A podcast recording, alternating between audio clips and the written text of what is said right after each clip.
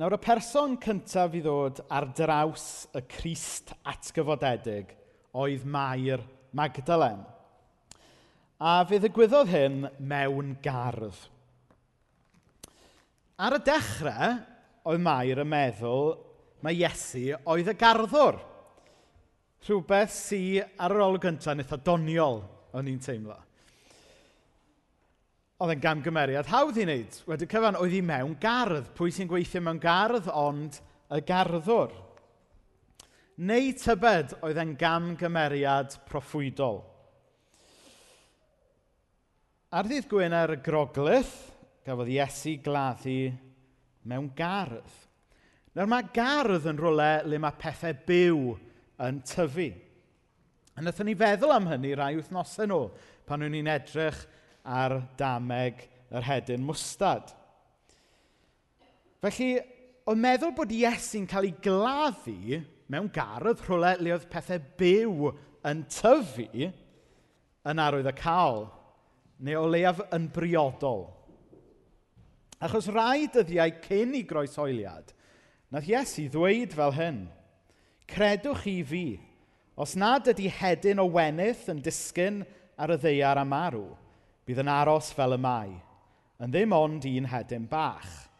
Ond, os bydd y marw, bydd yn troi yn gnwd o hadau.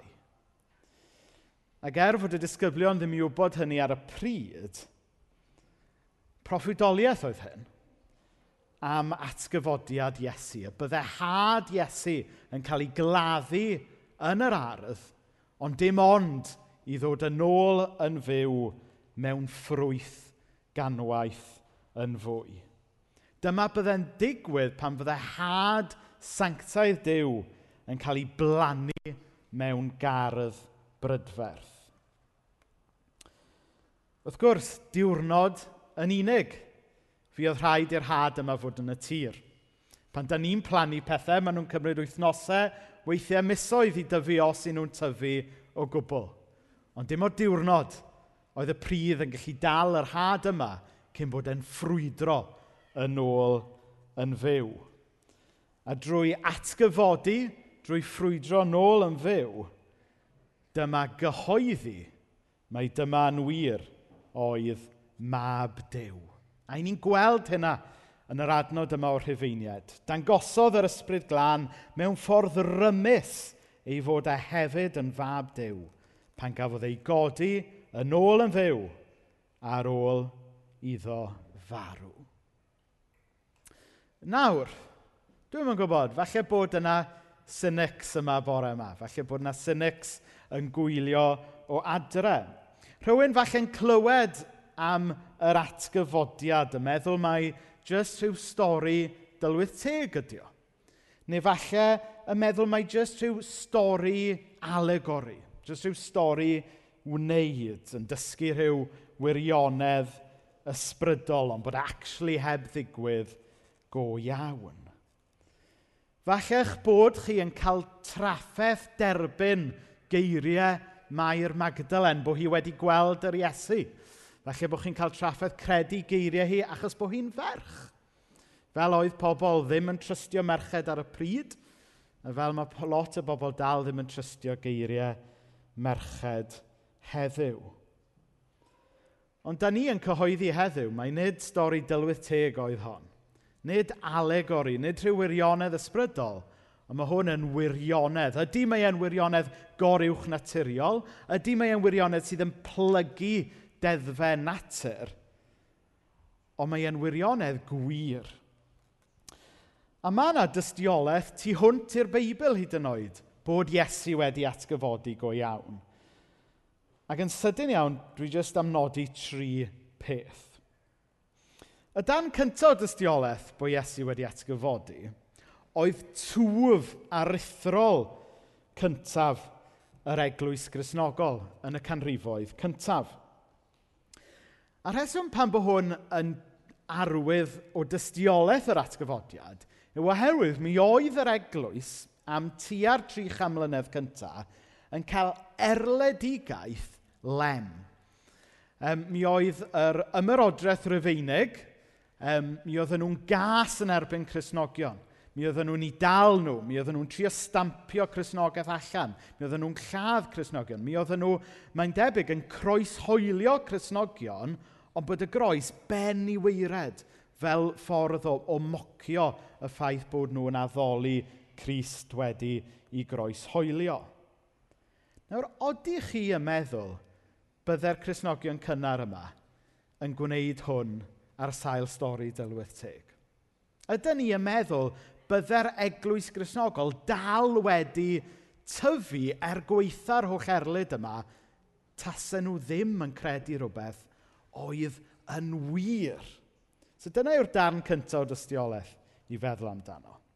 Yr ail darn o dystiolaeth yw, a dyfynnu Dafydd Iwan, yn bod ni yma o hyd – Hynny yw, dwy fil a mwy o flynyddoedd wedyn, mae yna bobl trwy y byd heddiw yn credu, yn cyhoeddi ac yn addoli Dyw sydd wedi atgyfodi. Nawr, tasa fe jyst yn stori dylwydd teg, neu yn stori sydd wedi stretcho, yn fake news os hoffech chi. Yna, bydde fe ddim wedi para mor hir. Bydde fe jyst wedi ffislo allan o fewn cof cenhedlaeth neu ddwy. Ond mae'r ffaith bod na bobl heddiw dal yn credu, dal yn cyhoeddi, dal yn addoli Crist atgyfodedig yn brawf bod na wirionedd yma sydd yn newid bywydau ac yn newid cymdeithas. A'r trydydd pwynt yn arwain mlaen i hwnna yw y dystiolaeth o fywydau pobl hyd yn oed heddiw, sydd dal yn cael ei newid oherwydd yr atgyfodiad. Nawr, chyfo weithiau, da chi falle methu gweld rhywbeth drostoch chi eich hun, ond eto, da chi'n gallu gweld y ffordd mae e wedi effeithio rhywbeth neu rhywun arall. So, meddwl nawr, dychmygwch bod rhywun Nawr, dyw hwn, obviously, ddim yn digwydd ar hyn o bryd oherwydd Covid, ond dychmygwch bod rhywun wedi bod i ffwrdd i wlad dramor. Nawr, ar ei gwyliau, rhywle braf.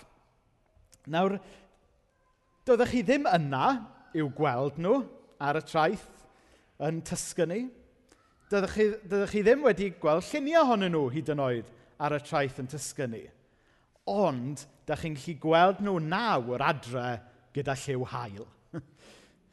Hynny yw, da chi'n gallu gweld yr effaith mae'r hael wedi cael ar y person. A mae'r un peth yn wir efo'r atgyfodiad. Er yn bod ni falle yn gorfforol gyda'n llyged ddim yn gallu gweld y Cris sydd wedi atgyfodi heddiw, eto, da ni'n gallu gweld effaith y Crist atgyfodedig y mywydau Cresnogion, eglwysi a pobl sydd yn yn bywyd. Nawr, ar lefel fwy rhyngwladol, da ni'n gweld effaith yr atgyfodiad yn cynnal Cresnogion mewn gwledydd sy'n cael ei erlyd oherwydd i ffydd. Yn nes at adre, da ni'n gallu meddwl am deulu a ffrindiau falle, sy'n dal yn dewis dweud mae bendigedig wyt, pan mae popeth o'i cwmpas nhw'n syrthio'n ddarnau a maen nhw'n sal, a maen nhw hyd yn oed yn cochi rhai sy'n anwyl i nhw. Dim ond ffydd mewn Iesu sydd wedi atgyfodi sy'n gallu dal pobl yn y ffordd yna. Da ni'n gallu gweld effaith Christ atgyfodedig y mywydau pobl. Felly dyna jyst tri e, uh, um, dan o dystiolaeth. Tu hwnt i jyst dystiolaeth y Beibl o bod Iesu wedi atgyfodi yn wir. Anyway, nôl â ni i'r ardd. So, mae Mair Magdalen yn cyfarfod Iesu yn yr ardd. A mae'n ddiddorol bod hi yn camgymryd pwy sydd yr had cyntaf yr atgyfodiad am arddwr. Dwi ddim yn meddwl oedd e'n gamgymeriad mewn gwirionedd mae e mwy fel datganiad proffwydol ynglyn â pwy oedd Iesu a be di pwrpasau Iesu yn arbennig yr Iesu sydd wedi atgyfodi. Oherwydd reit ar ddechrau stori'r Beibl, le mae Adda cefa? Maen nhw mewn gardd. Ac nawr, ar ôl i Iesu atgyfodi, le i ni eto? I ni unwaith eto mewn gardd. Nawr, mae'r Beibl a diwynyddion trwy'r canrifoedd wedi bod yn siarad am Iesu weithiau fel yr ail adda. Wrth adnabod Iesu fel garddwr, be mae Mair yn gwneud mewn gwirionedd ydy cadarnhau mae Iesu yw yr ail adda. Iesu yw garddwr yr atgyfodiad os hoffech chi. Mae e'n troi tir newydd mae e'n hau had newydd y mywyd pawb sydd yn credu a wedi cyfarfod y Dyw sydd wedi atgyfodi. Nawr mae'r ail adda Iesu Grist yn wahanol i'r adda cyntaf.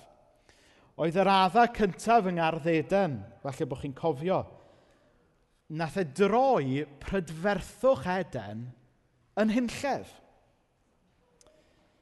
Yn lle hau hadau ffrwythlon, yn Eden fe gafodd had anrhefn i blannu. A dyna lle mae holl boen y byd heddiw yn dod ohono fe. Dyna sut mae esbonio pechod. Dyna sut mae esbonio trais, casineb, hunanoldeb a popeth tywyll arall. Y felltith yma ers yr ardd gyntaf sy'n esbonio i ni, fel nath cadu sôn amdano rai wythnosau nôl, sut mae yn, yn bywyda'n byd ni wedi torri mewn pedwar ffordd. A, a mae hwn, mae'r elusen TFund yn arbennig am roed sylw i hwn. Sef, oherwydd beth hath yn wrong yn yr ardd gyntaf, mae'n perthynas ni efo Dyw wedi cael ei dorri, mae'n perthynas ni efo'n hunain wedi torri, dyna pan bod ni'n stryglo i ffeindio pwrpas gwmpas a ffeindio beth yw'n gwir hunaniaeth ni. Mae'n perthynas ni efo pobl eraill wedi torri. A hefyd mae'n perthynas ni efo'r greadigaeth wedi torri. Dyna pan bod ni'n camdrin y greadigaeth. A dyna pan bod um, cynhesu byd eang a, a sut mae hwnna'n effeithio y pobl tlawd a gorthromedig mwy na ni sydd yma yn y, yn y gorllewin. So mae beth oedd yn wrong yn yr ardd gyntaf yn helpu ni wneud synwyr o pam bod pethau wedi torri yn ein bywydau ni ac yn y byd o'n cwmpas ni. Ond y newyddion da bore yma yw bod ni'n cyfarfod Iesu nawr mewn gardd arall. Dyna ni ddim yn cyfarfod adda yng nghanol y draen a'r mieri, ond ni nawr yn cyfarfod Iesu yn yr ardd yn barod i roi popeth yn iawn. Lle nath adda fethu, mae'r ail adda Iesu Grist yn llwyddo. Bydd Iesu, y garddwr, yn adfer, yn perthynas ni efo Dyw, yn perthnasau ni efo'n gilydd, ac yn wir yn adfer y greadigaeth gyfan. A da ni'n credu hyn oherwydd bod atgyfodiad Iesu yn flaenffrwyth y deyrnas sydd yn dod ond sydd eto i ddod yn llawn. A roethon ni am dro bach ddoe, roethon ni a, a, blod, a blodau, roethon ni a wyau draw i glan morfa. Ac ar y ffordd nôl, um, oedd men am pwyntio uh, at y blagur yn torri trwyddo ar y coed i cadog. A da ni yn yr amser cyffroes yna o'r flwyddyn yn dydan, lle mae natur yn dod nôl yn fyw. Lle da ni'n gweld bywyd yn y coed ac yn y tir ac yn y gerddi unwaith eto. A mae hwnna'n ddelwedd hyfryd i ni o be mae'r atgyfodiad yn golygu. Oes, mae yna boen dal o'n cwmpas ni. Da ni dal yn byw mewn byd toredig sydd wedi syrthio, ond oherwydd yr atgyfodiad, mae blaenffrwyth first fruits, yr hyn sydd i ddod hefyd yn torri trwyddo ac i weld o'n cwmpas ni. Ac felly, dyna pam y dylen ni fel Cresnogion beidio bod yn cynics. Mae'n bwysig bod ni'n real ydy, ond mae'n bwysig bod ni ddim yn cynics. Oherwydd yr atgyfodiad, fe allwn ni gael posture o obaith hyd yn oed pan mae pethau anodd yn cwmpas ni. Oherwydd bod ni eisoes wedi gweld beth sydd i ddod yn llawn yn atgyfodiad Iesu. Gwrandewch ar rhai o'r proffidolaethau yma ynglyn â bod Iesu mynd i adfer popeth ar greadigaeth gyfan. Y cyfan, y cyntaf o Ezeia 55. Bydd coed pinwydd yn tyfu yn lle draen, a llwyni myrtwydd yn lle mieri. Bydden nhw'n sefyll yn o'i atgoffa pobl am yr arglwydd, fel arwydd parhaol fi ddim yn cael ei dynnu i lawr. Ac o'r broffidoliaeth yna mae mae'r emyn enwog Anne Griffiths yn dod, welen sefyll rhwng y myrtrwydd wrthrych teilwng o fy mryd. A wedyn mlaen yn datgyddiad, Roedd coed y bywyd bob ochr i'r afon yn rhoi deuddeg cnwd o ffrwyth, cnwd newydd bob mis. Mae dail y coed yn iachau'r cenhedloedd. Fydd melltydd rhyfel ddim yn bod mwyach. A chi'n gweld ydych y dylweddau yma o broffwydi'r hen testament i'r addewid yn datgyddiad – y dylweddau yma ynglyn â Iesu yn dod a bywyd lle oedd diffeithwch, yn dod a, a cnwd newydd lle oedd mieru, yn dod a iachad i unigolion, ie, ond hefyd i'r cenhedloedd a'r greadigaeth gyfan. Iesu yw y garddwr sy'n troi diffeithwch y ddeiar yn erddi llawn ffrwyth a bywyd. Iesu yw'r garddwr sy'n dwy'n anrhefn pechod yn ôl i ddynoliaeth lawn dŵf. Neu a dyfynu emyn cyfoes arall. Pwy ddaw a'n anrhefn yn ôl i drefen?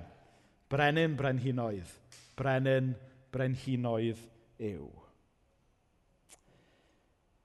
Ond beth yn union ydy'r gobaith chrysnogol yma? Da ni'n credu ynddo fe. Beth ydy'r gobaith yma sydd yn yn syfyrdanu bore yma? Nawr, cyn i ni sôn am beth yn union ydy'r gobaith, mae'n bwysig bod ni yn chwythu ffwrdd ambell um, baradwys ffwl mae'n hawdd i ni lithro mewn i gredu. Nawr, i ddechrau, dwi'n meddwl bod yn arwydd y cael Mae garddwr mae Mair yn cyfarfod ac nid train conductor. Nawr, beth dwi'n golygu wrth hynna? Nid train conductor mae Mair yn cyfarfod oedd yn barod i marcio'i tocyn hi i'r nefoedd. Mae'r gobaith chrysnogol yn fwy real a tangible na hynny. Datgyddiad um, 21 eto. Bellach mae pabell Dyw yng nghanol y bobloedd. Bydd yn byw yn eu canol nhw, a bydden nhw'n bobl iddo. Bydd Dyw ei hun gyda nhw, a fe fydd ei Dyw nhw. Felly mae'r gobaith chrysnogol, dyw e ddim ynglyn â sort of fflotio i ffwrdd i rhyw nefoedd ysbrydol – Ond mae e, fel mae'r weddi'n dweud, mae e ynglyn â deled y deyrnas yma fel yn y nefoedd. Mae e ynglyn a Iesu'n dod i breswylio efo ni.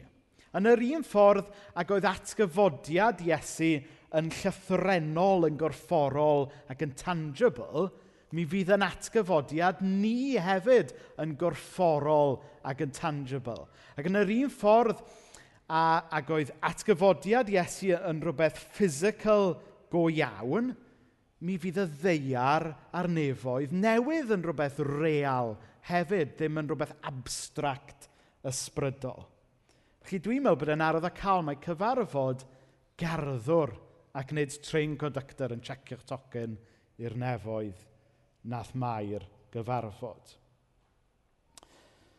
Yr ail beth, garddwr nid cyfreithiwr nath mai'r gyfarfod. Troi fyny gyda um, fforch a rhaw nath Iesu, yn barod i roi trefn ar yr ardd.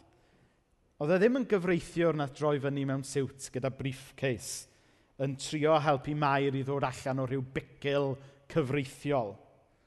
Oedd hynna wedi setlo drwy'r ynghynt ar y groes, gorffennwyd. Dim banciwr nath Mair gyfarfod chwaith, Nid rhywun nath droi fyny alw mewn rhyw fenthyciad. Na, oedd hwnna wedi setlo drydi ynghynt. Oedd hwnna wedi cael ei glirio ar y groes. Be nath, yes, be nath mae'r gyfarfod ni Iesu oedd garddwr. Dyw mewn overalls, nid siwt. Dyw yn torchi i lewis i godi teirnas. A mae hwnna yn anhygoel, dwi'n meddwl. Mae hwnna'n ddelwedd mor bwerus, yn dydy? Bo ni'n cyfarfod Dyw mewn overalls nid siwt. Bo ni'n cyfarfod Dyw sydd wedi torchu lewis, nid Dyw pech sy'n gweiddi instructions. Dyw sy'n galw ni i fod yn rhan o'r greadigaeth newydd. Yr pwynt olaf am heddiw yw hyn. Pan nath Iesu atgyfodi, nath e ddim atgyfodi a torri mewn i'r byd just fel oedd e. Ond nath e atgyfodi a torri mewn i fyd oedd wedi newid yn sylfaenol. Pan i ni yn credu, pan i ni yn cael yn bedyddio a dewis dilyn Iesu, i ni'n dewis dilyn Iesu mewn i'r greadigaeth newydd. Mae perthyn i Iesu'n golygu'n bod ni'n perthyn i'r oes sydd i ddod er yn bod ni dal ag un troed yn yr oes yma.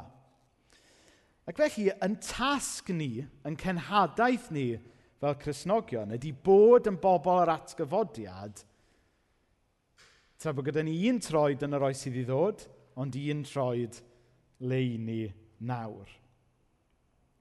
Yn tasg ni ydy ymgorffori gwerthoedd yr oes sydd i ddod a gwahodd pobl eraill i gamu ymlaen i'r oes sydd i ddod gyda ni oherwydd croeshoeliad ac atgyfodiad Iesu. Achos, da ni'n byw mewn byd sydd wedi blino yn dydan. Dwi'n gwybod lot ohonoch chi wedi blino. Da ni, y pasg yma yn fwy nag ers blynyddoedd, da ni'n wir yn teimlo pwysau byd blynedig oherwydd y pandemig yn dydan. Da ni yn sychedu, da ni'n byw mewn oes sy'n sychedu am bwrpas, yn sychedu am gariad, yn sychedu am obaith. A mae hwnna i gyd yn gallu torri i syched drwy gyfarfod, ie, y Cris sydd wedi groeshoelio, ond dewis byw bywyd gyda'r Crist sydd wedi atgyfodi. Nawr, mae rhai ohonoch chi'n gwybod fod i amser o flwyddyn lle dwi wedi cychwyn mynd allan ar y beic yn gynnar yn y bore unwaith eto. Mae hwn yn briliant. Mae hwn yn golygu bod e ddim yn ffad. Mae wedi para mwy na blwyddyn. Dyma'r tro cyntaf um, i fynd ar y beic para mwy na chwe mis. So, good news. Dyw hwn ddim yn ffad. Um, ond be bynnag, dwi, dwi wrth y modd mynd allan ben bore. Um, Mae'n amser anhygoel o'r dydd i fynd allan. Dwi'n gwybod falle bod yna'r bobl eraill yma'n hoffi mynd i gerdded neu, neu rhedeg ben bore. Mae'n amser da i gael awyr iach, mae'n amser da i, i gael llonydd a clirio eich pen a'ch meddwl ar ddechrau diwrnod newydd. A mae'n amser arbennig o'r dydd oherwydd bod chi dal yn y tywyllwch, yn mae'r tywyllwch dal o'ch cwmpas chi, ond eto mae'r diwrnod newydd yn gwawrio ac yn torri trwyddo hefyd. Ac yn dibynnu le i chi ar eich amdro neu ar y beic, weithiau, da chi'n ffeindio'ch hunan reit yng ngole'r hail – os da chi felly ar, ar dop y bryn, a wedyn dwy funud wedyn, da chi lawr yn y dyffryn, a mae'n mae dywyll, mae dywyll o'ch cwmpas chi.